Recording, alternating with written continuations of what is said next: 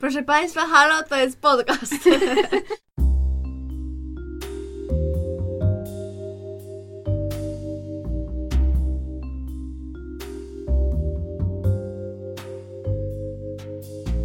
Witamy w bliskich spotkaniach szóstego stopnia. Podkaście o popkulturze, ale głównie o zapomnianych filmach. I o Kevinie Baconie. Ja nazywam się Justyna, a ze mną siedzi jeszcze Paulina? Oraz Gosia. Dzisiaj goło i wesoło, po angielsku The Full Monty. I akcja filmu dzieje się w Sheffield, o ile dobrze Mhm, pamiętam i tak, zapisałam. I to jest takie miasto przemysłowe.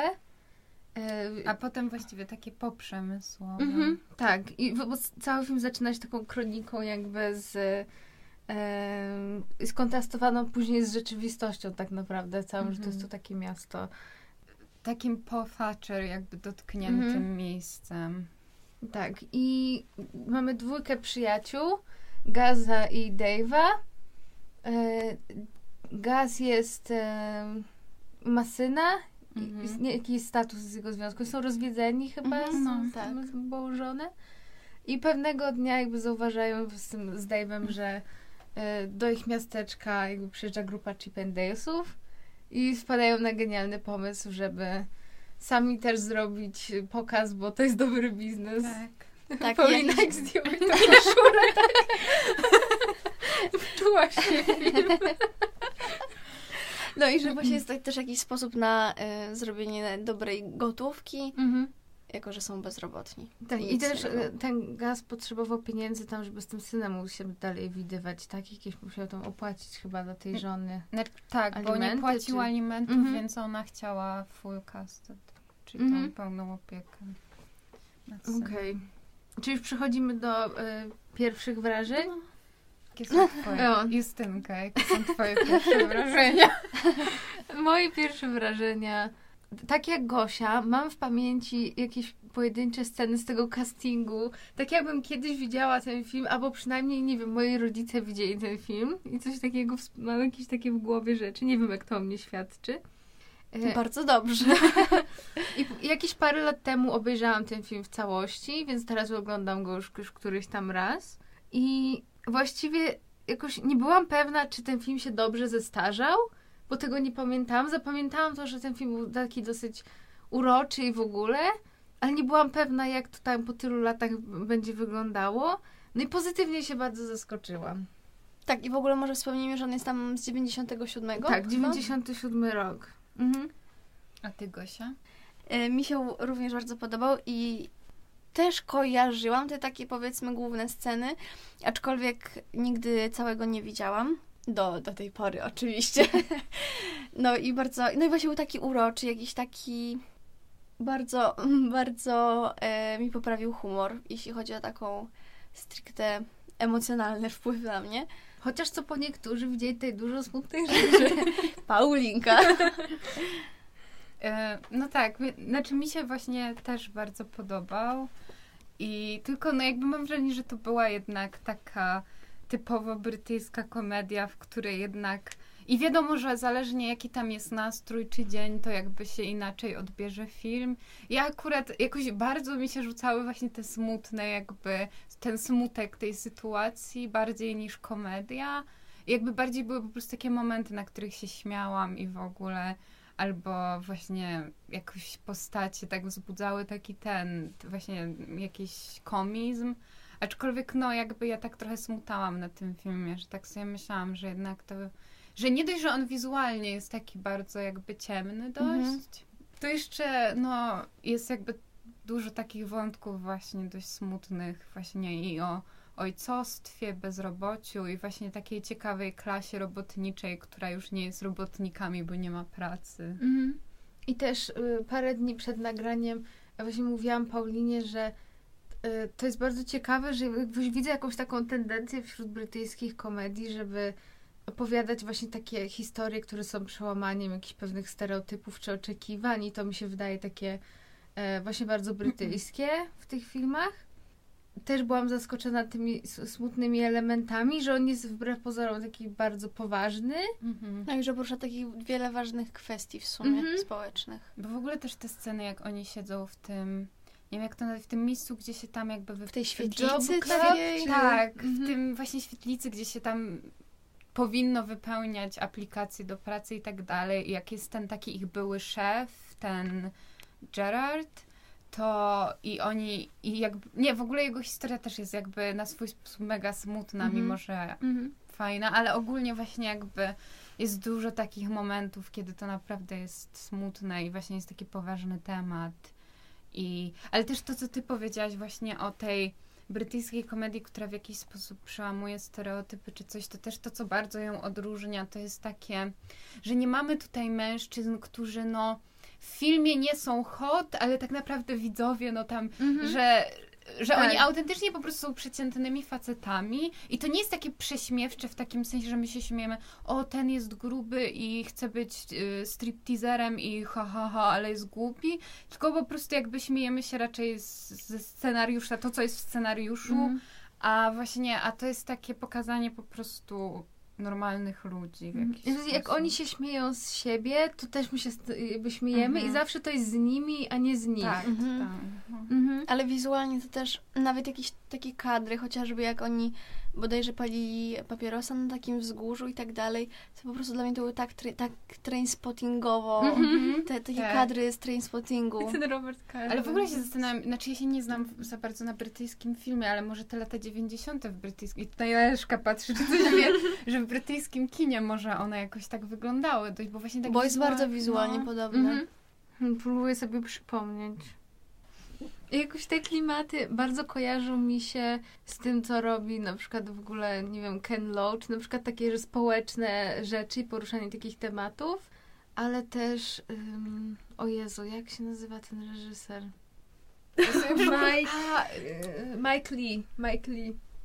Tak. O, i to mi się, i to mi się jakoś kojarzyło, ale no nie wiem, ja też nie jestem jakimś znawcą. W sumie ja też więc- próbuję sobie przypomnieć inne filmy z lat 90. brytyjskie, które kojarzę. Jakieś Notting Hill, nie, czy- podobnie, Ej, a- to nawet komedie romantyczne są w takim Mhm. stylu. Znaczy komedie, no Notting Hill czy Cztery pog... Bo pogrzeby. ogóle, ale w ogóle mam wrażenie, że też Brytyjczycy kapują, że jakby jeżeli coś ma być śmieszne, to też tam musi być taki poważniejszy moment albo trochę smutniejszy, żeby to wybrzmiało. Mhm. I naprawdę jakoś ten, w tym filmie to, to mam wrażenie jest naprawdę dobrze, dobrze pokazane. I też to, że w ogóle właśnie The Full Monty był takim ogromnym sukcesem w Ale ogóle. to ciekawe, bo... Czytałam gdzieś świetną teorię, że właśnie ten film wyszedł jakoś tak po śmierci Diany i że, tak, Tak, że to w, tym, y, w tym, co jest na naszym Facebooku, w Mhm. tym artykule, to Tak. chyba jest I wspomniane. że to właśnie taki, ale jakby jako traktowane trochę było jako pocieszenie, dla, że to dla ludzi tak Mm. właśnie, dlatego ten sukces może tego filmu był tak duży. I też w Stanach Zjednoczonych, gdzie mm, y, znalazłam bardzo ciekawą informację, że niektóre amerykańskie kina miały ulotki z tłumaczeniem slangu angielskiego. Jakby, że to dla nich jakby nie, nie było takie oczywiste. Przepraszam, ale ja mam taką mega głupią myśl. Czy Diana jest polskim Janem Pawłem II? W sensie angielskim Janem Pawłem II. Bo tak sobie myślę najpierw, że czemu ona, znaczy jakby wiadomo, że była fenomenem nawet światowym, ale tak sobie myślę, kogo w Polsce byśmy tak... Znowu kontrowersje, słuchajcie. Roz- nie, nie trafia Ale wam te, ja się teraz zastanawiam bardziej, y, jakie filmy wyszły po śmierci Jana Pawła II, co... Ale u nas pocieszeniem były te wszystkie filmy z Adamczykiem, ja mam wrażenie. Tak, tak, tak, tak. I w ogóle Człowiek, jakieś takie kino religijne, w sensie papież, potem Tak, no. y, ten y, o księdzu popiełuszce Tak, i tak, tak. dalej, i tak dalej. To chyba w, u No nas w tą widzicie stronę. moja teoria. No, no, no, no. Ale nie, myślę, że w ogóle jak u nas nie ma monarchii w ogóle. Nie, no tylko Diana była nas- takim fenomenem, w sensie, że wiadomo, pewnie jak królowa umrze, to będzie w ogóle smutne, i ty, ale Diana to było w ogóle coś, że ludzie do dzisiaj mają z nią całe pokoje w kubkach No z jej tak, twarzą. tak. To ciekawe. Tak A jak myślę, Jana Pawła. że... Ale myślę też, że w ogóle to, że jakoś to była taka śmierć, wiadomo, przedwczesna, Mhm. to też inaczej ludzie to traktują. Wiecie, czym ja się teraz zastanawiam? Nad Jolantą Kwaśniewską. W sensie nie mówię, że ona jest jak Diana, ale że zauważyliście, że wśród wszystkich pierwszych dam, ta dyskusja w ogóle zboczyła w ogóle tematu, ale ze wszystkich y, pierwszych dam jakichś polskich, to właśnie ta Jolanta Kwaśniewska tak najbardziej się zapisała. Nie To takiego prawda? No. Że to jej tam, nie wiem co ona tam jadła, nie wiem, bezy, nie wiem, cokolwiek, whatever. Ale ona potem jeszcze miała program w, w TVN Tak, Ale chyba w ogóle jak kobiety są takie stylowe, to Mhm. pier- no jak Jackie Kennedy, że ten styl często w pierwszych damach, czy tak jakoś. Chociaż na przykład z Michelle Obamą to myślę, że dużo więcej rzeczy jakby sprawia, że ludzie ją kochają niż... Ale tak, to był właśnie ogromny hit ten film i w roku 2000 wyszła wersja musicalowa, sceniczna e, w Nowym Jorku i też dosyć całkiem właśnie była takim sukcesem, więc Ja w ogóle jestem tak nieprzygotowana, bo dzisiaj sobie w trakcie zajęć myślałam, a w ogóle Full Monty to byłby fajny musical. No byłby, ktoś na to wpadł. no ale masz nosa, Paulina, widzisz? Co też zaskakujące, on, e, ten film został nominowany w kategorii najlepszy film na Oscarach, ale też najlepszy reżyser i scenariusz oryginalny. Tu się skończyło na nominacji, ale też dostał Oscara w kategorii Best Music, Original Musical or Comedy Score. To krótkotrwała kategoria, potem zniknęła, ale, ale było. A w ogóle, bo teraz jakby, znaczy boję się przechodzić do takich luźnych przemyśleń, bo to nam nie wychodzi dzisiaj, ale bo jakbyśmy pomyślały, co się stało, w sensie oprócz tej Diany, na przykład, co się działo w latach, późnych latach 90., że ludzie chcieli na Oscarach tego filmu. W sensie, jaki był właśnie ten zeitgeist. Titanic. Ale to ciekawe. No To- bo tak jak o tym myślę, to co tak, bo jednak Oscary zawsze są jakimś e, świadectwem swoich, swojego roku w sumie. Mhm. I zastanawiam się, co w tych latach 90. się takiego działo, późnych. W ogóle wydaje mi się, że ta obecność Titanica, chociaż czego się śmiejemy, to jest znacząca. Bo jak masz taki jeden duży film, gdzie właściwie wiadomo pewnie, że on tak wygra, to jakby można sobie chyba Mm. trochę, na trochę więcej też pozwolić jakby w, w reszcie kategorii, tak mi się wydaje. Bo przeglądam, co jeszcze wtedy było nominowane. Ale tak jestem w ogóle ciekawa, tak jak mówiłaś właśnie, że to odniosło... No bo to nawet jakby tak, że wy pamiętacie jakieś sceny z tego, to w ogóle odniosło duży film, duży sukces jak na taki film. To prawda, bo to jest, Mhm. w sensie to nie jest jakby rodzaj filmu jakiś taki, wiecie, Naprawdę. taki, nie wiem nawet jak Bo dla mnie, ja, mi się to, w sensie teraz jak pomyślałam o tym, jakby tych złotych latach Hugh Granta, to mi się ten film mniej więcej z czymś takim kojarzy, tylko że to nie, jest Mhm. rom, nie jest nazwane komedią romantyczną, ale to jest komedia taka, która jest dość smutna i ciekawe jakby co jest takiego, że w takie filmy się oglądało i odnio- no, odnosiło jakiś sukces, ale I że był jakoś tak bardziej zauważalny. No. Ale to nie jest trochę też tak, że właśnie to się zdarza czasami na Oscarach, że nagle jest jakiś film, który tak trochę nie pasuje, Nie, no, ale na ludziom Oscarach się to podoba tak, tak, i w tylko ja ogóle. myślę w ogóle, że to odniosło Mhm, sukces okej. międzynarodowy, abstrahując od Diany. No to totalnie ci bohaterowie, Ale czy też w ogóle lata 90. nie są jakby lata takich filmów tanecznych typu... Ale ja się teraz nie chcę pogrążyć, więc... Chociaż to bardziej wczesne to- 2000. No. Chociaż jak, Jezu, jak teraz w ogóle o tym myślę, bo to, bo lata 90. to mi się na przykład kojarzą też z Ten Things I Hate About You i to jest taka, jakby można tam dyskutować, komu się to podoba, komu nie, ale że to jest taka komedia, która jest bardzo, mam wrażenie, zwłaszcza jak na amerykańską, bardzo unikatowa. Ma dużo takich fajnych elementów nietypowych dla filmów. Więc może w ogóle to był dobry... Ja chyba co, co podcast mówi, że o, to była dobra dekada dla filmu. Tak, by the way, znalazłam właśnie te, te filmy nominowane w kategorii najlepszy film. Oprócz Titanica i Goło i Wesoło był jeszcze Buntownik z wyboru, Good Will Hunting. I to E. nie wygrało? Nie. Bo to, To scenariusz, scenariusz, tak. ale... Titanic. Ej, ja lubię. Nie no, ja jestem hejterką. E, lepiej być nie może. No wiesz. Lepiej Beef. być nie może z Jackiem Nicholsonem. Lubię ten film swoją drogą też. I Tajemnice Los Angeles. To No widziałam. W sumie do niczego nie doszłyśmy, bo No ale jesteśmy- bardzo eklektyczny wybór w ogóle, totalnie na tych Oscarach wtedy. Oscary to jest... Zróbmy kiedyś w ogóle podcast o Oscarach, bo ja mam wrażenie, że to jest ciekawy No, temat. No. Jak już tutaj jesteśmy jeszcze przy twórcach, to ja trochę pogooglałam ogólnie reżysera i scenarzystę. I ten reżyser w ogóle nic mi nie mówi. E, nazywa się Pierre Cataneo, nie wiem. Nie znam pana. On zrobił em, film The Rocker z Rainem Wilsonem. Mm, Jakoś, kojarzę. kojarzysz to? Bo ja jakoś pierwszy raz zobaczyłam to dopiero. Ja w ogóle bardzo lubię ten film, jeśli ta, on w ogóle jest z Emma Stone, tak? To ten. Nie wiem, ja nie znam go. To ja bardzo lubię ten film. Jest taki, że on jest takim wujkiem Josha Gada w ogóle i Josh Gad jest w zespole i oni nie mają perkusisty i ten wuj... Kurwa, bo zaraz się okaże, że ja mówię o czymś innym i to nie, to, to spoko, bo mi się wydaje, że tam są takie klimaty. Tak, i ojejku, ja, o, przypomniał mi się ten film, jest bardzo fajny. ja lubię Raina Wilsona. I Emma Stone będzie- była basistką, także No. jeszcze wtedy mnie nie wkurzała. Oprócz tego wcześniej zrobił jeszcze film Opalowe Marzenia i Szczęśliwa Zgrywa i nic mi nie mówi ten żaden z Mm. tych filmów. A w przyszłym roku y, ma robić jakiś film, ponieważ robi Military Wives i to też mi nic nie mówi. Brzmi... O matko. Brzmi To poważnie. jakiś taki przeskok tematyczny, mam A wrażenie. w międzyczasie jeszcze robił w telewizji rzeczy, więc to już w ogóle. Ale tutaj ciekawszy był znacznie scenarzysta, bo scenarzysta tego filmu Simon Bafoy zrobił na przykład e, Slamdoga napisał. A, też to czytałam. Tak, y, 127 godzin, Igrzyska Śmierci w Pierścieniu Ognia, Everest, Wojna Płci, serial Trust, no naprawdę. A ten Trust to jest o tych Getty? Tak, chyba tak, tak. Czy Getty Images jest? Czy oni się nazywają Getty? Betty! Nie, Getty. Dobrze mówisz. No. Bo to jest te, te Getty Images, to są te takie z... Stokowe. Stokowe, No. mhm. A ja nie wiem, czy to jest związane. Słuchajcie, ja muszę to sprawdzić po podcaście.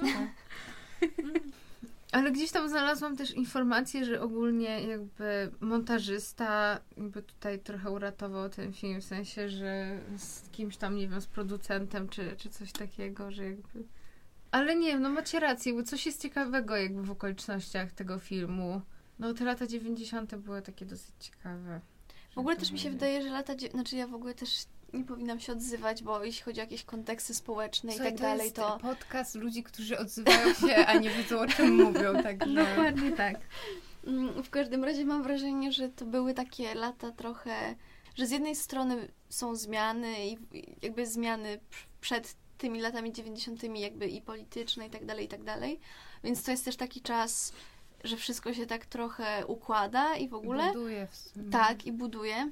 I z drugiej strony też technologia. Ale może właśnie dla takich państw jak Anglia, które wydaje mi znaczy dla Wielkiej Brytanii na przykład, jednak oni długo odczuwali to, tą Thatcher i jakby to, co ona im zrobiła w takim sensie postindustrialnym. I może to też jest jakiś taki Mhm. moment. Bo też te lata 90. to są te wojny na Bałkanach. Nie wiem, czy to ma coś wspólnego, ale w Harry Potterze ja mam teorię o Bo Bałkanach i Harry Jednak znaleźliśmy jakieś powiązanie z Harry Potterem. Nie, bo ogólnie tam jest coś takiego, że jak Voldemort y, zostaje pokonany przez dziecko Harego, to ucieka do, do któregoś Przez dziecko państw. Harry. Nie, że jak, jak Harry jest tym niemowlakiem i pokonuje Voldemorta i on traci moc, to, takiego babasa. Dobra, nie, przepraszam. to on y, ucieka właśnie do... Gdzie, kurczę, nie pamiętam teraz tych państw w ogóle, sobie przypomnieć. Ale ucieka do jednego z tych państw i ja stwierdziłam, że J.K. Rowling go tam dała, bo jakby jako taką, bo tam Bałkany trochę funkcjonują jako, tako, jako taka kolebka czarnej magii i ja mam wrażenie, że... I pamiętajcie, że Harry Potter dzieje się w latach 90., Tak, więc... no. I to U. są te wojny na Bałkanach. Ale to jest. Boże, to, to jest... wszystko ma sens. No, naprawdę. I ja, słuchajcie, jak kiedyś to odkryłam, to to, to A może praca? Artykuł jakiś. Ja- Ja, w ogóle się teraz zastanawiam nad tym wszystkim jeszcze w kontekście Polski lat 90. i jakoś, za- jakoś No to wyobraziłam tak. sobie wyobraziłam sobie teraz Harry'ego Pottera w klimacie killera Ej, a słuchaj, Nad tym basenem z siarą. w Harry Potterze są dwa polskie akcenty. O, jeden o jest jak proszę. jest, i ty chyba do tego dojdziesz, jak jesteś w Czarze Ognia, jest jeden, jak oni gadają o Quidditchu, to jest jeden polski zawodnik, on się chyba nazywa jakoś Zamojski, czy Zagórski, czy coś Ojej. takiego, a drugi raz jak w piątej części Dumbledore wysyła Hagrida, żeby poszedł szukać olbrzymów, bez kontekstu dziwnie brzmi, ale ten, to właśnie Hagrid mówi, że tam był na granicy Białorusi i Polski. Wow. I oczywiście Jacob Kowalski z Fantastycznych Zwierząt, który robi pączki. Totalnie. I Mhm. pączki. No. Ogóle Dobra. ten podcast dzisiaj nie jest Nie, to jest jakiś chaos. Bo to jest to, że ja nie mam nic do powiedzenia, więc po prostu gadam jakieś głupoty. Ale to to jest jednocześnie... podcast anegdot. Ja mam wrażenie, że to jest jednocześnie jeden z tych odcinków takich podcastowych, które są kontrowersyjne, bo dla jednych to będzie najlepszy odcinek tego podcastu, a dla drugich najgorszy. No. Po prostu tak to czuję. Ale to tak trzeba. No, ale y, dobra, porzu- porzućmy wszystkie kwestie techniczne i wszystkie społeczne dookoła konteksty. Mm, I skupmy się już na samym filmie, jakby na, na tym, co, co tam się dzieje. I ogólnie jest to tak cute, że ja nie mogę. Mhm. To jest główne słowo, No. które dobrze opisuje ten film. Ja wiem, że ty masz Gosia ulubionego bohatera. Tak, muszę się przyznać, że moim ulubionym bohaterem jest Dave. I jest również tam moja ulubiona scena, jak Dave wieczorem ym, idzie do szopki w ogrodzie i siada tam sobie i wyciąga batona i jego pokryją mu i bardzo się utożsamiam z tą sceną. Uważam, że jest naprawdę fantastyczna Ale- i niezwykle prawdziwa. Jest też taki słodki moment, jak on zatyka rękę w takiej zabawce dla dzieci i tak nie może... Z... Ale ogólnie uważam, że w ogóle w tej postaci jest tyle ciekawych elementów. W sensie ten, to, że tam jako, ja nie potrafię sobie przypomnieć żadnego innego filmu, w którym widziałabym poruszony kontekst jakby właśnie samooceny wśród mężczyzn i w ogóle, Tak. że i kompleksów, czy właśnie nawet tych problemów z potencją, jakby, że to dla niego jest, jest jakiś tam problem i to, jakby od tych tematów się zazwyczaj nie porusza I to znowu nie, to nie jest śmianie się z niego. Nie, tylko, nie. Znaczy to właśnie jest jeden z tych takich momentów bardziej smut, no, Mhm. smutnych, po prostu takich mniej wesołych i właśnie to nie jest śmianie się z niego, tylko jakieś takie, wydaje mi się, że dla mężczyzn pewnie wielu taka życie po prostu. Bo gdzieś już do, dorośliśmy jako społeczeństwo do tego, żeby zauważać, że jakby jest duży problem z tym, jakie wizerunki kobiet promuje się w kulturze i tak dalej.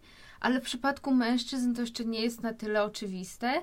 I ja uważam, że to jest e, bardzo duży problem, bo o ile jeszcze gdzieś tam od kobiet wymaga się, żeby po prostu były szczupłe, to tak te po prostu niemożliwe sylwetki, jakie promowane są jakby wśród postaci właśnie męskich w kulturze, czy na przykład, nie wiem, Supermana, czy tam, nie wiem, whatever. Jakby to, jeżeli nie, nie masz personalnego trenera, nie No. ćwiczysz 6 dni w tygodniu, no to dla takiego przeciętnego człowieka to jest w ogóle nieosiągalne. Ale też jakby na przykład BuzzFeed robi o tym dużo filmów i według mnie to jest fajne, bo to jest ta strona BuzzFeed, która właśnie jest taka pozytywna, że oni tam mają właśnie o tych, że mężczyźni o różnych kształtach ciała, czy na przykład mężczyźni, którzy opowiadają o swoich przejściach z jakimiś takimi rzeczami, Mhm. ale też umówmy się, że BuzzFeed jest bardzo kontrowersyjny, więc no nie zawsze to, co robią jest dobre, mimo że oni chcą dobrze, no ale to nieważne. Mhm. Ale tak, no to jest właśnie fajne, że w tym filmie to się pojawia i nie w takim sensie śmiania się z tego. Bo na przykład mi się to kojarzy jak u w filmach Adama Sandlera, na przykład w tych Grown Ups, jak jest ta postać Kevina. Wiem, o którego ci Ke- chodzi. Kevin James? Może tak. Chyba tak, to on właśnie, on jest właśnie gruby i, za, i tam po prostu zawsze jest takie żartowanie sobie, po prostu jest gag, że on jest gruby, jakby to było coś śmiesznego. I nagle tworzy ci to w filmie takie patrzenie na postać przez pryzmat jej wagi, mimo że w prawdziwym życiu, o tym też w sumie gadamy często, że w prawdziwym życiu się nie patrzy tak na ludzi. Mhm. Więc to jest jakieś mega słabe. Mm, Jeszcze nie, tak mnie ujęło jeszcze wsparcie, jakie on ma od swojej żony i to, że Paulina się wzruszyłam. I że często mnie to denerwuje na przykład w filmach, jak bohaterowie ze sobą nie rozmawiają, a tutaj na przykład jest zbudowany mini konflikt, że ona myśli, że on ma romans, poznajduje te stringi i tak dalej i on jakby od razu jej tłumaczy o co chodzi i wtedy ona go wspiera w tym. Ale też w ogóle jakby fajne jest, że mimo no jakby, że ta właśnie postaci kobiece nie są jakieś najbardziej rozbudowane na świecie, to jednak na przykład właśnie w przypadku jego żony jest pokazana to, że ona jednocześnie, ona tam mówi, że, że ona czuje, że on się poddał i w ogóle. I z jednej strony najpierw pierwsze, jak to słyszymy, to mamy takie, o Boże, pewnie zaraz będzie, że go zostawi, że jest supą Mhm. i w ogóle, a potem się okazuje, że właśnie ona tak zostaje przy nim. I on I- pyta, i że kto tak by chciał go wspiera. oglądać, Tak. i ona mówi, że ona. No. I to jest bardzo I na koniec w ogóle... Jak ona się tam cieszy, No to to jest w ogóle złoto. No, naprawdę. A też y, właśnie bardzo ciekawa jest ta scena jeszcze, jak oni są y, jakby w tej ala siłowni, solarium u tego, jak on tam, Ge- Gerarda, Ge- Geralda. Geralda, nie wiem. I jak właśnie oni oglądają ten jakiś magazyn, gdzie są kobiety i tak dalej i oceniają i potem pada takie pytanie, że no okej, że tak my oceniamy te kobiety i one też mogą oceniać nas. I tam pada takie zdanie nawet, że no, ale że jakby z nami to jest inaczej, no bo my jesteśmy facetami. No to I- bardzo dobrze jakby podsumowuje, mam wrażenie, y, jakby kulturę No. i te wszystkie stereotypy i tak I dalej. że to jest dla nich taki pierwszy moment, kiedy oni totalnie czują się oceniani. Ale w ogóle to jest takie jakby. No bo my tutaj chyba wszystkie mamy taki pogląd, że w feminizmie zawierają się też jakby prawa mężczyzn, że feminizm ma dotyczyć wszystkich, nie tylko kobiet. Tak, I tak. ten film w tym wątku zwłaszcza jakby jest totalny, totalnie feministyczny w takim sensie Mhm. też właśnie, że jest pokazanie tych dwóch stron i zwrócenie uwagi też na mężczyzn. Mhm. Ale też pokazanie, że patriarchat nie szkodzi tylko kobietom, ale też mężczyznom. No. To jest następny wątek. A w ogóle ja bym pogadała więcej o tej klasie robotniczej, bo to jest jed... klasie robotniczej, bo to jest jeden z takich wątków, który mnie zawsze ciekawi. I na przykład mam wrażenie, też w ogóle klasowość w Anglii, na przykład jak jest to High Rise, ten film, Mhm. Mhm. chciałam powiedzieć film, nie wiem, w sensie, że tak mi się prawie powiedziało. No, no. E, To ten, to właśnie, to jest mega ciekawe, bo klasowość w Anglii, znaczy klasowość tak naprawdę, umówmy się, wszędzie jest, ale w Anglii to jest od zawsze jakiś temat Tak. i z tą monarchią i z, właśnie z klasą robotniczą, czy, czy coś takiego, więc jakby to jest mega ciekawy wątek.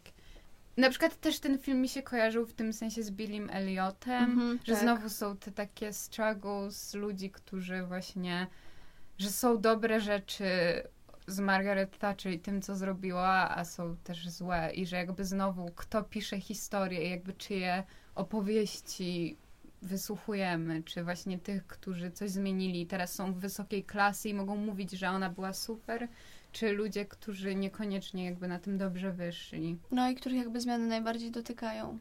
W sensie, Mm. no. W ogóle taka ciekawostka.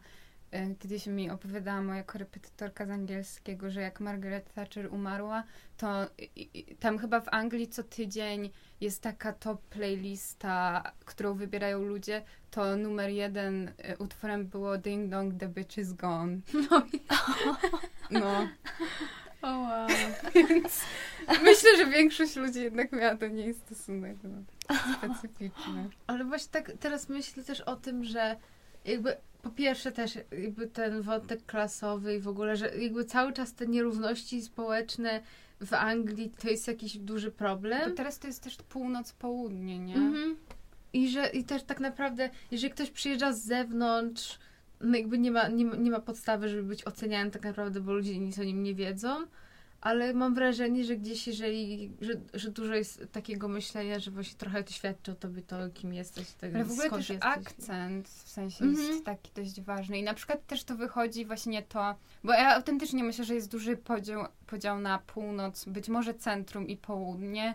I jakby to też wyszło przy Brexicie, że jakby na przykład no mój brat jest jakby emigrantem i w mieście, które kocha i w którym mieszka, 60% zagłosowało na Brexit. A potem też najczęściej poszukiwanym przez Brytyjczyków hasłem w Google było, co to jest Brexit po zagłosowaniu, więc Mhm. to też jakby, to jest trochę straszne, ale no w, chyba w każdym państwie jest po prostu teraz taki zeitgeist. No. A tak przypomniał mi się jeszcze ten film Fish Tank. Jakoś tak, jako, jako ten film, który... Chociaż ja nie lubię Fassbendera, ale Jezu, no, jak ja kocham ten film. Gościa, ty musisz go obejrzeć, bo on jest o tańczeniu. Ale totalnie, Jezu, ja ci to pożyczę, jest... bo nie widziałaś. Nie, bo tak nie zakładam widziałam. od razu. Nie, nie bardzo dobrze zakładasz. Ten film, o, tak. no i właśnie to jest często fi- jakiś poruszany tam gdzieś w tym kinie i bardziej taki niezależny, mam wrażenie, temat właśnie tych blokowisk i tak dalej. No. I właśnie ja sobie tutaj przepraszam, No. ale nawet w moich fantastycznych notatkach mam punkt kadr bloków. No. I jest No. tam super taki kadr. Ja totalnie nie pamiętam, w którym to jest momencie, ale jak jakby na cały, na cały ekran jest taki, wiecie, ogromny blok i Mhm. mnóstwo tych balkonów i tak dalej, i tak dalej. Nie wiem, jakieś, mam takie wrażenie, że no, że właśnie ta scena trochę mówi o tym, że jakby oni są, że ta grupka tych facetów jest przedstawicielami jakby tej takiej, wiecie, tak naprawdę Klasy robotniczej. klasy robotniczej, no i jakby większej, większej grupy, grupy osób. Ale to jest też trafne, co ty powiedziałaś w tym fish tank w takim sensie, że no bo też Billy Elliot jest z lat 90. I że kiedyś to było jeszcze właśnie takie w miarę normalne, że się mówiło o tym, a potem mam wrażenie, że ludzie udają, że już nie ma tego problemu klasowego, a właśnie Mhm. Fish Tank jest takim, czy na przykład mi się przypomina, jest taki serial na Netflixie Chewing Gum, jest super. I właśnie on też jest o takiej klasie właśnie robotniczo, bezrobotnej i tak Mhm. dalej. I właśnie, że może w tych czasach czasem tego brakuje. Ale przypomniało mi się znowu, bo ja jestem wielką fanką I, Daniel Blake. I ja pot- no właśnie, ja strasznie potrzebuję, żeby wszyscy ludzie obejrzeli ten film i już wspomniałam Kena wcześniej, ale on, no, no, ja na jednym jego filmie zasnęłam, ale I, Daniel Blake bardzo mi się podobał i właśnie on jest o tym, na przykład, o, jest mężczyzna, który, starszy mężczyzna, który z powodów zdrowotnych nie może pracować i chce się zgłosić po zasiłek. I jakby natrafia na po prostu milion problemów. I czy nawet takich natury takiej, że musi to zrobić przez internet i na przykład nie może, bo nie umie, bo nikt nie chce mu pomóc. I to jest właśnie o starciu jakby ludzi z tym systemem. A, to coś wspominałaś kiedyś. Tak, tak. Pamiętam. O, bo ja uwielbiam ten film, naprawdę. I on no, no, wstrząsnął totalnie. I on zaprzyjaźnia się jeszcze z taką młodą kobietą, która ma dwójkę dzieci i też próbuje jakoś powiązać koniec z końcem. I strasznie ten film jest taki bardzo... Znaczy w ogóle jest taki bardzo lewicowy i w ogóle... I, i to wiadomo, że jest tak bliska nam jakaś tam e, myśl. Ale właśnie to mnie strasznie przytłoczyło i wtedy ten film on tak wstrząsnął, że ten człowiek versus system i to jest straszne. Ale to jest ciekawe, że nie myśli się, że w krajach takich, jak- w sensie, że na przykład w Wielkiej Brytanii czy Anglii coś takiego, bo jakby na przykład też z domu, ja mam coś takiego, że moi rodzice zawsze jakby zachód bardzo jakby wysoko Mhm. stawiali i właśnie trochę jakby że, że się mówi, że w Anglii to można siedzieć na zasiłku i że nic nie robić i tak dalej, ale jak mówisz, że może to nie jest wcale takie proste. Tak, i... bo on tam ma, że on na przykład chciałby pracować, ale lekarz mu mówi, że, że jakby nie może, a też nie może dostać pieniędzy, bo coś tam i jakby to jest cały absurd tej sytuacji. Ja nie mogę. No. No ja mówiłam, że to smutny film i będziemy smutni. Dobra, to przechodzimy do teraz tych śmieszniejszych elementów. No finał jest cudowny. Prawda. Nie, w ogóle jest wspaniały. No i panowie dają czadu. Ja bym zobaczyła prędzej to niż Tak. Magic Mike'a. Bo w ogóle nie myślicie czasem, że jakbyście poszły, w sensie, dobra, ja, myśl, ja mam coś takiego, że myślę, że jakbym poszła na Chip to bym się czuła źle ze sobą, w sensie, że oni są tacy odpicowani, a ja tutaj ten worek ziemniaków. I tak myślę, że, że, na, że ale że na, że na panów z Full Monty to bym poszła. I to nie, żeby się Tak, z nich pośmiać, właśnie- tylko żeby się dobrze pobawić, tak. Właśnie Bo to jest to- fajne, bo nie ma jakiejś takiej Mhm. bariery w tej takiej całej właśnie otoczce takiej seksualnej i tak dalej. I Ponieważ female gaze. Przejdźmy do Ale ja w ogóle tematów. próbowałam researchować, bo może wytłumaczmy, czym jest male Tak. gaze, bo to jest jakby... No, male gaze to jest koncepcja Lory Malvi z lat z 70. bodajże, która mówi o takim często spotykanym zjawisku w kinie, kiedy na przykład wizerunki kobiet jakby budowane są na podstawie wyobrażeń męskich i tak jak mężczyźni są, sobie wyobrażają, jak wyglądają i zachowują się kobiety, etc. I jakby do tego jest właśnie koncepcja female gaze i pytanie, czy w ogóle istnieje coś takiego jak female gaze. Bo ja w ogóle jak próbowałam zresearchować ten female gaze, to wyszło mi w sumie coś takiego, że za female gaze uważa się coś zupełnie innego, czyli to po prostu jest kobieta w kinie, czyli że jak Aha. kobieta tworzy kino, jak kobieta patrzy na kino. Aczkolwiek jest jakby, gdyby przeciwstawić female gaze male gaze'owi, to jakby czy istnieje, w, bo czy istnieje wizerunek faceta w kinie wzrokiem kobiety? Jaki jest wzrok kobiety na faceta? Mhm. No bo właśnie To ciekawe, to jest nawet- bardzo ciekawe. Jakby Mhm. jak, gdzie jest jakby ta granica, jak, kurczę, jak to powiedzieć? Mm, Może na przykład na Magic Mike. No właśnie, na przykładzie Magic Mike'a dobrze to y, roz- kiedyś tam... Do, Nasz wiem. wykładowca. Tak, no, wspomniał, że to jest właśnie ciekawe, no, że w drugim filmie na przykład jest y, na, w czasie już tych finałów i tak dalej, jest scena, kiedy jeden z ich elementów ich show jest tam ślub i tak dalej. Nadal jakby w ogóle nie idealne ciała, nieosiągalne. I że jakby to jest, że Magic Mike uznaje się za taki film, że no, to jest dla kobiet, bo faceci się rozbierają, nie wiem. Wow. A jakby tak naprawdę cały ten film zbudowany jest wokół tego właśnie nadal jak faceci To jest Postrzegają facetów. jak, tak, Znaczy jak chcą faceci, tak, jak chcą być widziani, jak im Mhm. się wydaje, że to Tak, jest w super. sensie- I że to jest jakby, jak oni widzą female gaze trochę. Tak, tak, tak. Tak, bo to, bo to jest coś takiego, że jeśli mamy załóżmy Channinga Tatuma, który się rozbiera, to to jest tak jak... I który... I to znowu jest, że mamy w Magic Mike'u, ja pamiętam to dokładnie z zajęć, tutaj kredyt dla doktora Karola Jachymka. Ale ja pamiętam dokładnie, jak on właśnie o tym mówił, że jak są sceny, kiedy kobieta jest na krześle i oni tańczą wokół niej, to ona wciąż jest pasywna, a on jest tak, aktywny. tak, tak. I to jest jakby clue do sprawy, że mężczyzna cały czas widzi siebie aktywnym, a kobietę pasywną, że on ją podbija, a ona jest Mhm. podbijana. Dlatego female gaze jako odpowiednik male gaze nie istnieje raczej, ale female gaze jako jakaś tam inna w ogóle, inny termin istnieje, ale ja nie wiem dokładnie, Mhm. co to jest. Ten Fumont jest ciekawym przykładem, bo ja już... On jest tak trochę jakby na Ale może on jest female. W sensie ja mam nawet takie, właśnie nie wiem, bo na przykład na początku, właśnie nie, bo na początku jest w ogóle ta scena, jak oni schodzą po schodach i Gaz, tak? To jest główny Mhm. bohater. I on, przychodzi dziewczyna taka młoda i on coś tam, jakoś to tak, wiecie, komentuje, typu, No, coś, no tak jakoś tam ją zaczepia i tak dalej. hardcore. Tak. tak, ale zapisałam sobie również mądrą rzecz y, w moich notatkach, mianowicie, że zagrożona męskość i kryzys męskości. O, kry- ale kryzys męskości. oni tam- Kryzys, tak, to za, to, tak, ja też sobie to zapisałam. No i chciałam, czekajcie, coś powiedzieć i nie wiem co. Nie, nie, nie, nie, nie, to w ogóle spokojnie. Tylko czekajcie, od czego wyszłyśmy? Że od tego, czy female, a, czy female gay? Czy to jest female gaze na przykład, jako odpowiednik male gaze'u? Czy my tak chcemy widzieć mężczyzn? Bo według mnie trochę tak, że ja chcę widzieć mężczyzn, którzy stają się bardziej świadomi właśnie siebie i też Mhm. postrzegania kobiet i w sensie, że na przykład, jaki jest wasz taki bohater filmowy, męski, który według was jest takim fajnym facetem? Nie dlatego, że... Na przykład dla mnie Newt Scamander, Jezu! W ogóle zaraz... Ja o Newcie Scamandrze, bo po prostu, czy mogę tutaj zrobić wielką Proszę, wycieczkę. This essay I will. Bo ogólnie jakby jest taki... Czy em, prymat na czasie? Tutaj przepraszam, to będzie dłuższa wypowiedź, ale jest taki filmik na...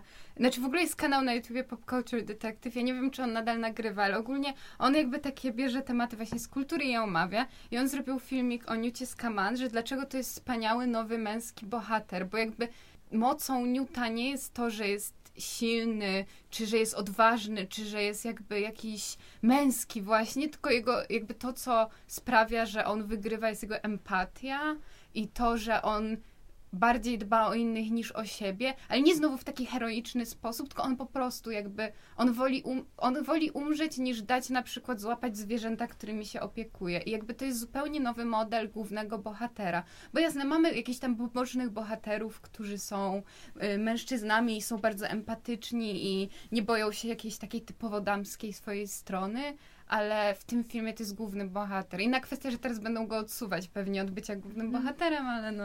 No, więc Newt Scamander jakby to mógłby być dla mnie female gaze, że jakby ja tak, takich chcę mężczyzn. Ale to w ogóle teraz zastanawiam się nad tym, że to jest fajne, że w tym filmie pokazana jest też jakaś ich zmiana, że oni przechodzą pewną Mhm. drogę też ci bohaterowie. Bo jak my ich na początku widzimy, to oni tak w ogóle totalnie odrzucają tych Chipendalesów i w, w ogóle a już prawie Drwią, wyzywają, mhm. drwią. A I- też z tych kobiet I drwią. tak, dokładnie. I też w ogóle się tak za nimi oglądają i w ogóle. A potem jakby już po pierwsze, jak się dowi- dowiadujemy, że dwójka tych bohaterów jest homoseksualna, to oni już w ogóle mają takie, że no, ale to są jakby, że jakby to są ich znajomi, przyjaciele, coś Tak. tam, że to w ogóle nie ma żadnego znaczenia, ale też właśnie ciekawa jest ta sytuacja, że, że jak ten jeden z nich się nazywał Guy, tak? Mhm. Mhm. że on, jest, jest taki moment, jak on gdzieś tam biegnie i kobiety za nim krzyczą. I to jest dla mnie w ogóle w, pierwszy, że w ogóle w odwróceniu tej sytuacji to w ogóle byśmy były, były oburzone, Mhm. ale jakby, że nie ma tutaj jakby takiej trochę równości, że inaczej się postrzega na przykład jeżeli, e, nie wiem, w filmie mężczyźni na przykład zdejmują koszulkę, a jak zdejmują koszulkę kobiety, na przykład, nie wiem, jak była ta słynna sprawa, nie, znaczy niesławna sprawa ze Star Trekiem, drugim bodajże. Mm. Mhm. Że tutaj nie ma takiej trochę równości, że inaczej się to postrzega. A ja ostatnio, o Jezu, jak gadaliśmy wczoraj na zajęciach, w ogóle dzisiaj po prostu zajęcia ze studiów, ale y, o właśnie o pracach Katarzyny Kozyry, no i tam nie będziemy wchodzić w ten, ale że ona zrobiła te, te chodzenie po łaźniach, nagrywanie ukrytą kamerą po łaźniach damskiej i męskiej. Mhm. To, że jakby to zrobił facet, to w ogóle jakby ja bym się oburzyła. Znaczy przy, przy Tak, Kozyrze ale- też mhm. się oburzyłam w sobie, jak Mhm. o tym myślałam, ale że no jednak jest bardziej akceptowalne, że Ale to jest też właśnie ciekawe, jakby też moim zdaniem jakby w tym bardzo właśnie dobrze widać ten male gaze, chociażby w takiej jakby rzeczywistości, że, że jednak, nie, no nie chcę tego powiedzieć, bo to byłoby strasznie takie, Ale to najwyżej sprostujesz, no wiadomo. Albo wytnę. albo wytniesz, że jakby męskość w takich sytuacjach jest właśnie skażona tym male gaze, w sensie, że od razu jakby zakładamy taką seksualizację i że to jest jakieś takie bardzo niepokojące Mhm. i tak dalej, a jakby mam wrażenie, że też kulturowo kobietę można wyswobodzić z tych wszystkich okowów patrzenia jakby, wiecie, dotyczącego seksualności i tak dalej, i tak dalej, że Że w tym sensie jest wolniejsza, w sensie bardziej wolna. od konotacji jakby związanych właśnie z takimi... z takim prześladowaniem, też takim byciem Tak, creepem. tak, tak, tak, no. Mhm. No to jest ciekawy wątek. Ale teraz na przykład jeszcze mi się przypomniało e, na przykład kwestia przemocy, że na przykład jeżeli mężczyzna uderzy w, w jakby kobietę w filmie, czy ogólnie w kulturze, tak jakby to inaczej jest postrzegane niż kiedy kobieta na przykład spoliczkuje mężczyznę. Mhm. Ale ojejku, os- ostatnio oglądam, znaczy teraz nie oglądam, ale ogólnie, bo jest nowy serial, serial z Nathanem Filonem, The Rookie, gdzie on jest tam po 40 i zostaje policjantem. I ogólnie był taki super wątek, że oni tam jadą, że ktoś wezwał policję do domu. Czuć, że to ta kobieta jest agresywna. Mhm. Ale ten koleś jest duży, w sensie jest naprawdę duży i potężny i widać, że silny, a ta kobieta taka drobna, więc oni mają takie, no, że widać, że coś się dzieje nie tak, no ale że odjeżdżają jakby, stamtąd. mhm. A potem właśnie jakby ten typ ginie, bo ona mu wbiła nożyczki w tętnicę. I nagle jest. Te, i, na, I No. ten właśnie, ten bohater tego Filona ma takie, że wiedziałem, że coś jest nie tak i nic nie zrobiłem, bo to była kobieta, która znęcała się nad mężczyzną i to nie wydawało się poważne. No, to jest bardzo ciekawy wątek. Jakby takiej dysproporcji strasznej, jeśli o to chodzi między płciami. To znowu wchodzą te prawa mężczyzn, które są częścią feminizmu. W, men- w meninizm nie wierzymy. Meninizm. Ale autentycznie są meniniści. Też muszę powiedzieć, że jakby często skrajne feministki jakby nie traktują praw mężczyzn poważnie, co jest jakby, z, Mhm. wydaje mi się, obiektywnie złe, więc jakby no, trzeba dostrzec, że nie wszystko jest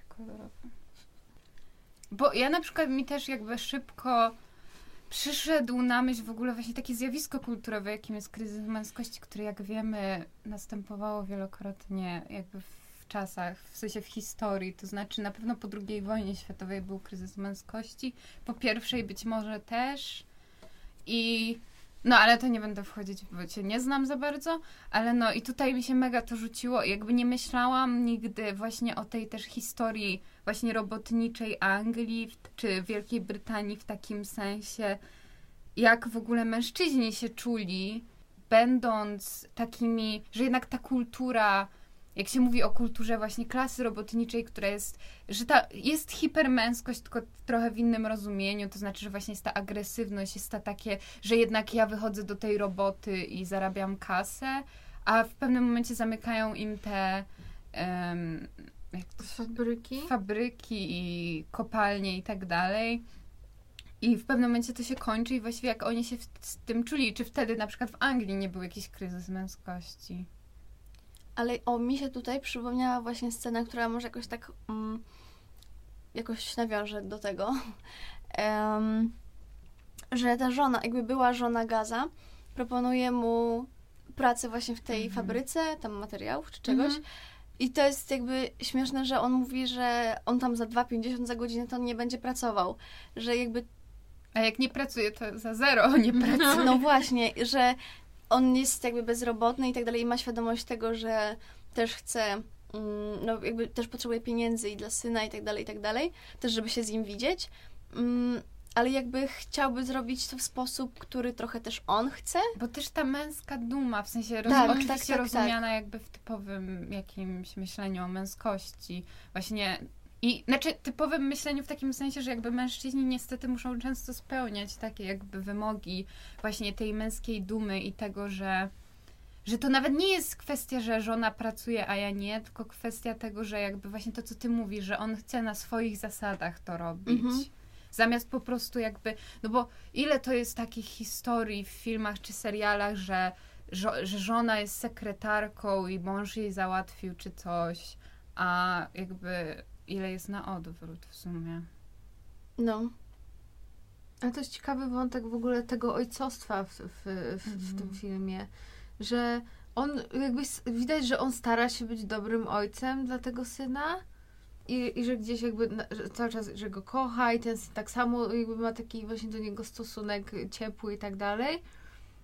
Ale że on jakby nie do końca umie sobie z tym wszystkim poradzić właśnie i, i też potrzebuje sam dojrzeć trochę i tak Ale dalej. może w ogóle warto się zastanowić, czy jakby miłość wystarczy. To Mhm. znaczy, no bo jakby rodzicielstwo w kulturze jest bardzo cenione i jakby ja też jestem, i w ogóle jakby to jest znowu wracamy do praw mężczyzn, którzy często jakby mają ciężej z opieką nad dziećmi przez to, że są po prostu mężczyznami i na przykład mniej zarabiają czy coś takiego. I to jest jakby. I ja nie chcę tutaj teraz w to wchodzić za bardzo, bo bardziej mi chodzi o to, że jakby on kocha tego syna, ale no nie zapewnia mu dobrych warunków, więc ja nie mówię, żeby odbierać opiekę nad dzieckiem czy coś, ale że jakby musi, może warto się czasem zastanowić, czy miłość wystarczy dla dziecka. Bo on jest głównym bohaterem, więc tak inaczej Nie, no trochę na tak, w niego sensie, patrzymy. To w nie? tym filmie tak nie do końca Mhm, jest, ale, ale tak rozumiem, ogólnie. rozumiem, o co ci chodzi. To właśnie ja tak sobie myślę, że jakby do taką z film, filmową, filmowym przykładem do tego, to jest dobry, dobry moment był wtedy, mm, jak oni robią ten casting i tak dalej, i tak dalej. Mhm. I em, jak on się nazywał? Tak od zwierzęcia. Mr. Horse? Tak. E, I on e, mówi, że w sumie to on ma dzieci. To chyba on, no nieważne, że chyba ma dzieci i tak dalej i albo jakiś inny, nieważne. No ktoś, któryś tam z nich mówi, że ma dzieci i że w sumie to on musi iść i chyba się tego nie podejmie i w ogóle, że tak jakby mm, no nie widzi szans. Na co właśnie główny bohater mówi mu, że ale to w sumie może możesz jakby tutaj przyprowadzić, że nie ma problemu. Y, No i on odpowiada, że to chyba jednak nie jest miejsce dla dzieci. Wtedy jest najazd na, na syna e, Gaza i to było takie... A Chociaż te, bo też w ogóle właśnie a propos tych praw mężczyzn, to teraz będzie ten chyba jakiś szósty czy siódmy film o tej Ruth Bader Ginsburg, Ginsburg. właśnie z Felicity Jones, że tam on the basis of sex, że ona jakby udowodniła nierówność płciową Mhm. na podstawie jakby e, jak to powiedzieć, że jak problemie Sprawy tego mężczyzny, Tak. który po śmierci żony nie dostał tam, nie, nie mógł dostać zasiłku chyba, czy czegoś, żeby móc zająć się opieką nad, nad dzieckiem, ponieważ takie przysługiwały, przysługiwały tylko jakby wdowom. Mhm. Ale powiem I- wam, że właśnie to mega się wpasuje, wpasowuje w, w to, co było wczoraj na konferencji, na tej części, w której ja byłam, bo Może powiedz, co to za konferencja. E, To była konferencja organizowana na Uniwersytecie EZUPS e, na ro- setną rocznicę. Dokładnie, setną rocznicę praw wyborczych, uzyskania praw wyborczych Przez kobiety. przez kobiety, tak? I właśnie wczoraj było bardzo dużo jakby tematów wokół rodzicielstwa i jakby równouprawnienia płci w rodzinie, mm, jeśli chodzi o matkę i o ojca. I było, było parę takich ciekawych wątków. Wiadomo, że to jest ogólnie grubsza sprawa, ale tak tylko, żeby je jakoś tam poruszyć. Jedna była taka, że właśnie a propos tej nierówności jakby ojca, jeśli chodzi o rodzicielstwo, że jakby głównie mówimy w, wtedy o tym, mówimy głównie o nierówności względem ojcowstwa, jakby po rozwodzie, jeśli chodzi o alimenty i tak dalej, a Mhm. Jeśli mm, jakby przed, kurczę, dobra. Chodzi mi o to, że Że jeśli... nie mówimy w trakcie jakby Tak, i na przykład jak są rodziny. urlopy tacierzyńskie i tak dalej, to mężczyźni wolą ich nie brać, bo wiedzą, że, że szef nie będzie patrzył już na nich tak samo i że na przykład te urlopy tacierzyńskie też nie są równo rozłożone, że kobiecie przypada dużo, dużo jakby więcej czasu, Mhm. a mężczyźnie mniej i Mm. tak dalej. I, y, Nie, bo... Nie, nie.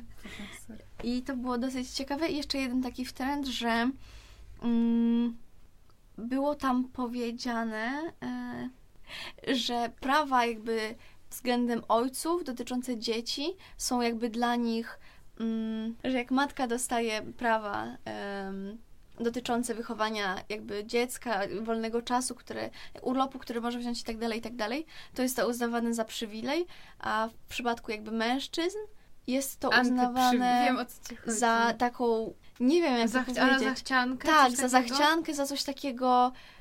Ale też w ogóle jak myśl... To było dobrze wczoraj jakoś tak, wiecie, mm, powiedziane w, taki, Mhm. w dobrych słowach, ale niestety nie pamiętam. Bo ja też pamiętam, Więc jak tak się miota. parę lat temu coś było z tymi tacierzyńskimi urlopami, że w ogóle chyba wtedy jakoś tak to się pojawiło w Polsce. Nie wiem. Znaczy to było dobre parę, lat- parę lat temu, ale pamiętam, że w radiu tak się z tego śmieją, znaczy w ogóle to, co czasem w radiu, z czego się śmieją, to jest dno dnien, ale że tak się śmiali, że tu ojcowie, niańki, coś tam. Znaczy w ogóle motyw ojca, niańki, to nie, zostawmy to. Niesamowite. tak. Ale no, że jakby autentycznie jest duży jakby taki problem względem mężczyzn i no to dupy. No i w ogóle wczoraj To właśnie jest i statystyki. kiedy wo- wojujemy o prawa mężczyzn. Tak, po prostu. Tak jak należy. Tak, ale to też jest jakby ciekawe właśnie takie postrzeganie kulturowe tego, że mm, właśnie wczoraj naprawdę było bardzo dużo na ten temat i jakby w kwestii prawnej i, i w kwestiach właśnie takich psychologiczno-społecznych w sumie. Mm, Chodzi o to też, że my po prostu wypieramy trochę ojcowstwo. Znaczy Mówię też jako ogóle, społeczeństwo. Że od czego jest ojciec, nie? Do pomagania. Tak, Do właśnie. Pomagania i kobiecie. zabawy Tak, i może, żeby czasem twardą ręką powiedzieć, Mhm. jak ma być, ale on to ogólnie tam Tak, siedzi się w nie gabinecie zajmuje i i tak pali dalej. cygaro.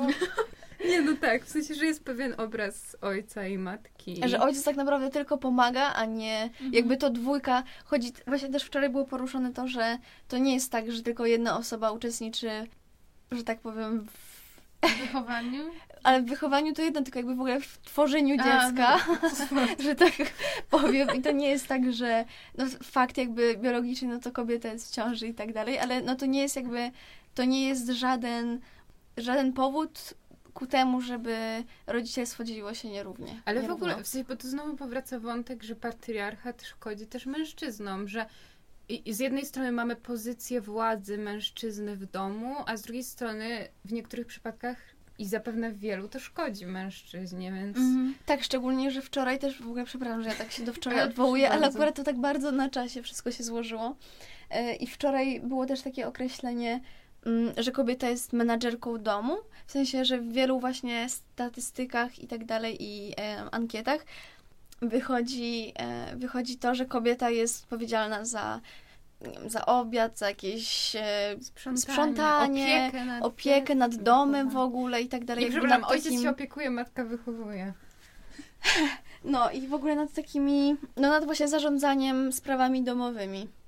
No, w każdym razie generalnie jest to bardzo nierówno i Mi się przypomina, jak oglądałam taki katolicki film, Jestem wielką oglądaczką katolickich filmów, ale nie, to był taki film, że to w stylu, że y, wyjście mamy, czy coś takiego. Katolickie wyjście ma. Tak, i to było w ogóle z typem, z Seanem Astinem, który grał w Stranger O, Things i Władcy go. Pierścieni. On Ojej. no właśnie jak aktorzy grają w katolickich filmach, no takie... Nie, przepraszam, nie chcę tu hejtować nikogo, ale ten... Ale właśnie i tam był, to było ciekawe, że właśnie w katolickim filmie jest poruszony wątek, jak w pewnym momencie właśnie ten Sean Astin mówi do głównej bohaterki, która gra e, April w Grey's Anatomy, ale to nieważne. I ten, i właśnie mówi, że no ja teraz się opiekuję dzieckiem i ona ma trochę takie, no opiekujesz to twoje dziecko, no. Mm. I to ciekawe, że właśnie w takim filmie, w sumie, gdzie jest pokazany jakiś tam model typowej rodziny, jednak to się pojawiło też, że jakby osoby z wielu klas, jakby, czy poglądów odczuwa jednak nawet to. Bo ja bym też y, akurat w tym przypadku wprowadziła takie rozróżnienie, że jakby ogólnie religia katolicka też w różnych krajach trochę wygląda inaczej To ze względu na zmiany Może w ogóle to społeczne. nie i katolicyzm, tak Tak, że to- chrześcijaństwo. W ogóle Tak się mówię, że mówi? katoli... Bo chrześcijanizm obejmuje wszystko, a Chrześcijaństwo. katoli... Chrześcijaństwo obejmuje wszystko, a katolicyzm to jest na przykład to, co my mamy. A, A oni nie mają- są- się. Prawdopodobnie bardziej protestantami. Mhm. Sorry, jakoś tak źle, źle Nie, no ujęłam ja- te, ale masz rację, no. No tak, ale też jakby w gruncie rzeczy, no religia też jakoś tam jest powiązana też mocno społecznie, więc to też może jakoś tam mieć na to wpływ. No ale to było po prostu No, ciekawe, że nawet w jakby w zupełnie innym, jakby poglądowo na przykład filmie, niż typowo Mhm. się spotykamy w kulturze popularnej, Mhm. jednak też powrócił ten wątek. To, to teraz jest ten moment, kiedy omawiamy te śmieszne rzeczy. Przypomniała mi się ta scena, jak e, oni odprowadzają, w sensie cała jakby mm, e- ekipa, że Mhm. tak powiem, odprowadza e, Natana, on się Natan nazywa? No. Nathan. Mhm. Nathan. Polski Do Natan. Sąsiad się nazywa Nathan. Cleo, to Nathan. Jak odprowadzają e, z, razem z gazem Nathana.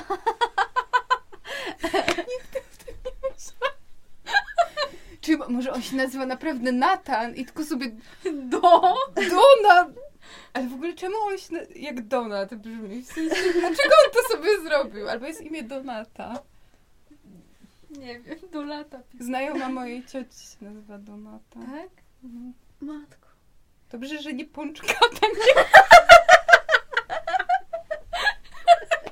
pączkata. Nie. Pączkata. Ale to wiecie, w sekundzie jak to mówiłam, to była, wiedziałam co mówię, ale i tak to powiedziałam. To jest najgorsze. Gosia, powiedz, bo w ogóle nie możesz się wypowiedzieć dzisiaj, bo ci nie. No jak odprowadzali Tak jak. E, jak e, wszyscy odprowadzali razem, w sensie Gaza i Neitana do szkoły i, i Gaz właśnie tam jakby go przytula czy coś, w sensie jakoś tam Mhm. jest jakaś oznaka czułości, to ja tak strasznie to jakoś zauważyłam, że robi to tak, wiecie, tak tylko chwilę i tak na chwilkę go przytula, żeby, bo to jest jeszcze jakby przed tych, tą Mhm. ich zmianą i tak dalej, żeby koledzy sobie nie pomyśleli, że jest jakimś mię- mięczakiem w cudzysłowie. Mhm. I to też właśnie chyba dobrze pasuje do i jakby takiego postrzegania stereotypowego męskości i ojca. i ojcowstwa i nie ma jakby w kulturze miejsca na czułość mężczyzn. Mhm. Mhm.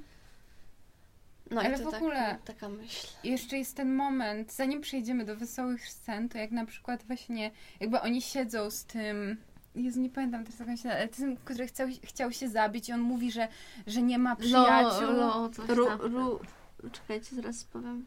Lomper. Lumpel. Jak oni siedzą właśnie z Lomperem i on- po tym jak on próbował się zabić i on mówi, że nie ma przyjaciół i jakby jest takie, że no jak to, no uratowaliśmy ci życie. To jesteś I jesteśmy, i to jeszcze mates jest takie, No. że we are mates i w ogóle. I to jest po prostu, w sensie, że widać wtedy, to jest świetnie zagrane, bo widać u nich, że to jest trochę taka niezręczność dla nich, to okazywanie uczuć, w sensie takie Mhm. mm, ciepła drugiemu mężczyźnie, a z drugiej strony to jest po prostu tak kochane. W ogóle To cała prawda. ta scena z tym samobójstwem. Tak, że on go najpierw wyciąga i nagle tak jest taki moment zatrzymania. On mówi, nie, no to jakby w sensie tak sobie myśli ten Dave, Dave, tak, że pójdę go otworzy i tak dalej. On coś tam potem mówi, to znowu go tam wpycha. Ale w ogóle ten moment, jak on się orientuje właśnie i my widzimy wtedy na ekranie, co się dzieje, a on jeszcze tego nie zakumał i jak on się wraca tam do tego, to ja mówię, Boże, jaki to jest cudowny tragikomizm. W sensie ta Mhm. sytuacja jest naprawdę, to jest świetna scena. I w ogóle teraz jak o tym myślę, to jest wspaniałe, jak naprawdę w sensie, że nie chcę, żeby to źle zabrzmiało, że wspaniale pokazana jest samobój, czy próba samobójcza, ale że w takim, właśnie, że jednak jest wspaniale pokazana w takim sensie, że to właśnie jest, że nawet z tego, że jakby, ojej, to teraz taka, takie głębokie przemyślenie, ale że jakby, że samobójstwo jest takim, próba samobójcza jest takim momentem, kiedy nie, nie widzi się przyszłości i nie widzi się nadziei, a potem jakby jednocześnie można na to spojrzeć, jaka to była śmieszna sytuacja Mhm. z perspektywy innej i że mogłeś tego nie doświadczyć, bo by cię już nie było. I jest w tym coś takiego Mhm. wspaniałego, że oni to pokazują. Scena e, castingu, casting jest super. To w kolejce, jak oni jeszcze tańczą, to jest genialne. To mi się strasznie podobało. I, i flashdance. I po prostu wszystko, wszystko to o spawaniu, że dlaczego ona tak spawa, że to jest zespawane. I to jest po prostu... A czy... Bo wiem, że kurczę, bo cały czas miałyśmy gadać właśnie o tych scenach różnych i tak Mhm. dalej, ale mi w ogóle przypomniał się mój naprawdę ulubiony bohater, czyli ten Gerard, Gerald. I jego w ogóle wątek jest super według mnie. I tu znowu wychodzi to, że oni trochę nie do końca nie doceniają tych kobiet, jakby z którymi są. Mhm. Bo tak samo jakby jak ta żona Dave'a, tak i żona Gerarda jest taka, że no jakby, że najbardziej boli ją to w tej sytuacji, że on jej nie powiedział. Mhm. Tak, no I że kłamał przez pół roku, bo Tak, no. Ale w ogóle jakby, bo to, y, to w ogóle wielokrotnie widziałam ten wątek męża, który stracił pracę i udaje, że chodzi do pracy Mhm. i potem wychodzi. Tylko właśnie reakcje kobiet w innych filmach są zazwyczaj inne. Na przykład przypomina mi się taki cały, bardzo lubię ten film Art of Getting By, chyba sztuka dorastania z Freddiem Highmorem. Y, Gdzie to jest ogólnie o nim, jak on tam jest nastolatkiem, coś tam, ale jest właśnie wątek, że jego ojczym jakby. On odkrywa, że jego ojczym, jak mówi, że wychodzi do pracy, to naprawdę siada na ławce i cały dzień spędza na tej ławce. Jakby jest wiele takich wątków. No to brzmi coś, co ja bym mogła robić. Ale to w sumie ciekawe, jak teraz o tym pomyśleć, że nigdy nie ma wątku, na przykład nie widziałam filmu z kobietą, która nie dość, że zarabia na rodzinę, to w pewnym momencie traci pracę i nie, Nie mówi uda- o tym tak. komuś. Mhm. I znowu chodzi to rozumienie męskości, że na przykład nie możesz mówić o rzeczach, Tak. Mhm. bo jesteś głową rodziny, bo właśnie mówienie o uczuciach, czy o tym, że jest ci źle, jest jakieś I Jeszcze wstydliwe. takie traktowanie jakby tej jego żony, że no bo ona chce jechać jeszcze na wakacje Tak. w ogóle. I gdzieś tam Tak na jakby- narty. Tak, tak jakby ona jakby miała sobie nie poradzić z tą informacją. Ej, ale tak. total, i teraz jak o tym mówisz, to przecież zazwyczaj w takich filmach, gdzie właśnie źle pokazywane są te żony, jest coś takiego, że ona właśnie nie, bo ona chciała na narty, czy chciała na... Takie, to bardzo Tak. roszczeniowo. A jak myślę w prawdziwym życiu, jakby w moim domu miał być coś takiego, że moja mama jakby była taka sytuacja, że, że nie ma kasy na wakacje, ale moja mama chce pojechać, bo chce pojechać. No przecież w życiu takie rzeczy się w prawdziwym życiu nie dzieją. Albo no dobra, jest jakiś specyficzny odsetek ludzi, którzy tak mają, ale to, to nie jest normalne i to nie jest z życia, że partner albo partnerka nie, nie rozumie, że jakby zarabianie pieniędzy nie zawsze idzie tak, jak powinno iść. Mhm. I w ogóle też cudowna jest ta scena, właśnie taka moim zdaniem trochę taka, e, ojku, jak to się mówi? Że zwrotna? Że zwrot akcji? Nie zwrot akcji. Punkt zwrotny. Punkt taki. zwrotny właśnie. Jak, jak oni kupu, jak biją jakby tego krasnala specjalnie na, Mhm. podczas tej rozmowy kwa, kwalifikacyjnej Geralda. Mm, No i jakby w geście takiej, nie wiem jak to powiedzieć, jakiegoś... Przyjaźni takiej trochę. Jakby A, no- przeprosin. No tak, takich, tak, tak, no. tak. Że, to tak, myślałam o tym, że w geście takiej jakby frustracji, że on będzie miał pracę, a oni jakby jej nie mają, to że jakby... A chodzi ci o mu- pobicie tego Tak, tak, tak. A bo ja myślałam o tej scenie, jak oni mu przynoszą no tego. tak, tak, bo jakby Tak, do tego... Do, o Przepraszam. Jezus. No. No tak, że do tego właśnie dążę, że, że to jest taka, taka cute scena, jak oni mu przynoszą tego naprawionego krasnala i, Mhm. i tak w końcu sobie z nim siadają na ławce i coś tam i, No. i tak jakoś i Tak jak on ma współczują. tą i... rozmowę właśnie, I, jak oni, I to jest takie, że jakby z jednej strony jakby człowiek się denerwuje, no bo wie, że tamten jakby chce dostać tą pracę i tak dalej, ale jednocześnie to jest dosyć zabawne. Ja nie mogę w oknie z tym krasnalem, po prostu ja bym nie wytrzymała. Ale właśnie sensie- znowu w ogóle ten wątek tego Geralda, który trochę zahacza o tą klasową sferę tego filmu, że, że to nie, w sumie właśnie nie myśli się o tym, że te zamknięcia fabryk czy kopalni dotknęły nie tylko właśnie tych typową klasę robotniczą, ale też tego jakby kogoś, kto jest trochę w tym takim middle class, może Mhm. tak na pograniczu, Zarządców. i właśnie, że on jednak ewidentnie ma, le- ma dobry, w sensie taki porządny dom i, w, og- i ubrania i w ogóle, a jednak, Solarium, O, rowerek. a jednak wciąż cierpi na tym. To, to było fajne. Dlatego mi się bardzo podobał ten wątek. W I ogóle lubię to tego jak- aktora, Boże. I jeszcze to, jak on w ogóle uczy ich tej choreografii i tak No. dalej. To jest no, najsłodsze na świecie. I jeszcze nasza ulubiona scena, jak jest ta pierwsza próba. y, Gosia, to ty dobrze to opisujesz. Ta pierwsza próba tańca przez Gaza.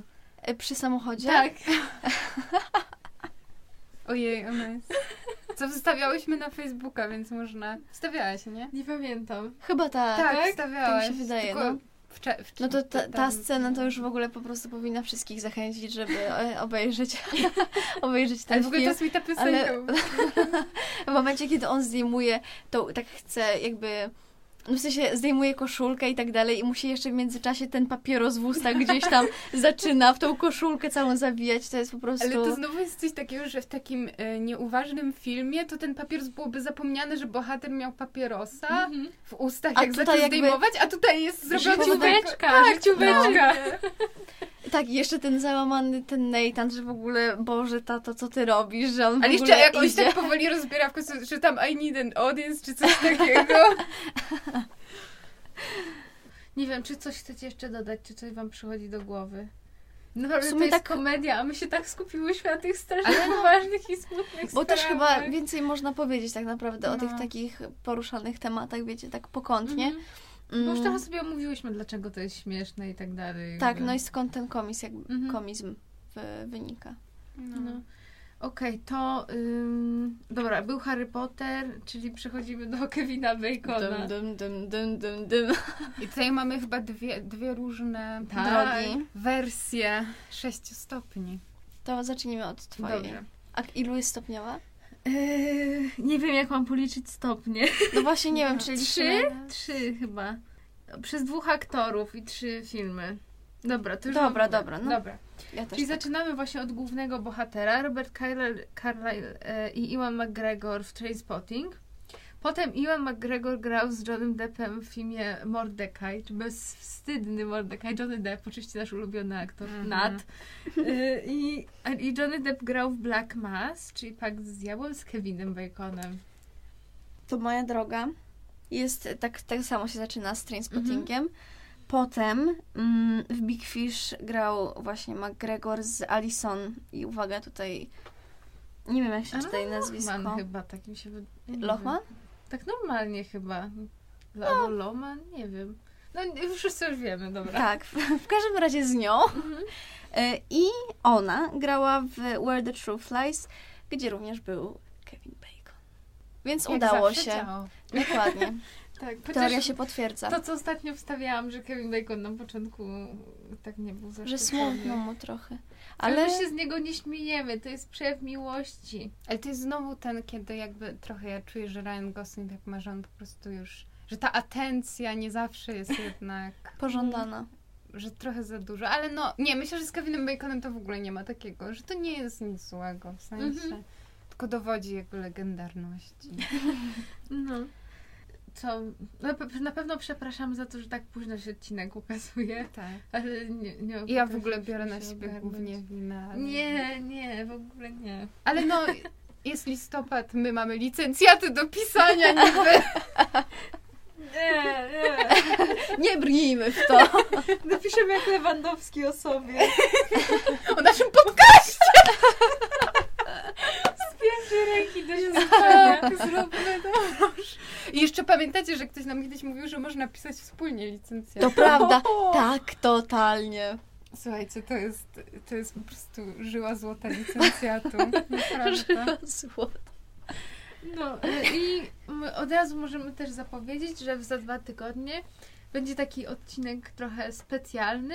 Wtedy wypadają Mikołajki, więc będzie odcinek nie, nie, nie skupiony na konkretnym filmie, ale no, zobaczycie. Zobaczycie, taka niespodzianka. Niespodzianka będzie, dokładnie tak. Także, no, żegnamy się w takim razie. Ze mną siedziała dzisiaj i mówiła, Paulina. Oraz Gosia. a ja się nazywam Justyna. Dziękujemy Wam bardzo i do usłyszenia. Bye bye!